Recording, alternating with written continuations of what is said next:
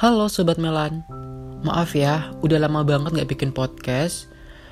Ya sudah sejauh ini aku mengalami banyak hal yang jadinya aku pengen banget buat ceritainnya ke kalian.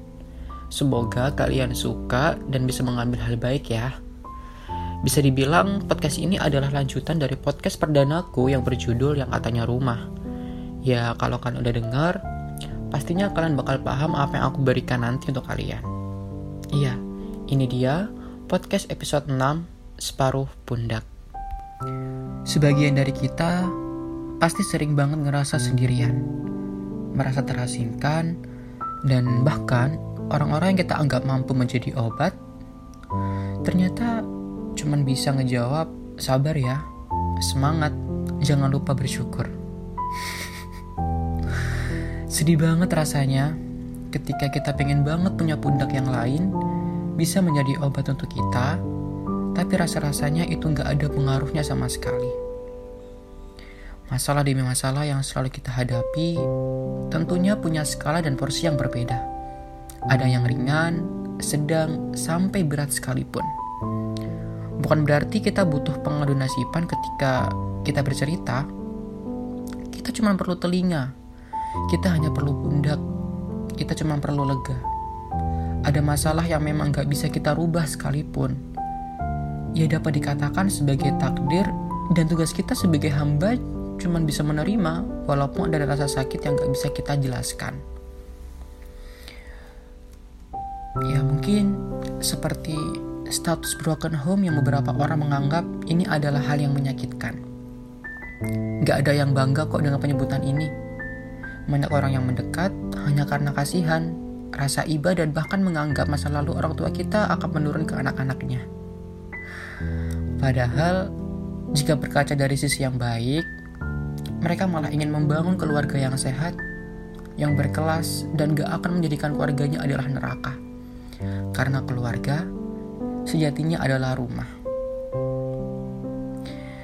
Terkadang mereka egois. Mereka terkesan punya dunianya sendiri. Padahal penghuninya belum mendapatkan hak yang seharusnya ia dapatkan. Ya, bahagia. Saking asiknya, mereka cuma datang ketika mereka lagi di titik terendah. Sedangkan buat kita yang berjuang sendirian, entah kita sedang hancur, kita sedang depresi, kita nangis seharian di kamar, dengerin musik sambil nyalahin diri sendiri, dan bahkan mukulin kepala karena berisik banget hal-hal yang ada di kepala kita Apalagi kita selalu berdebat dengan Tuhan karena merasa kenapa harus aku?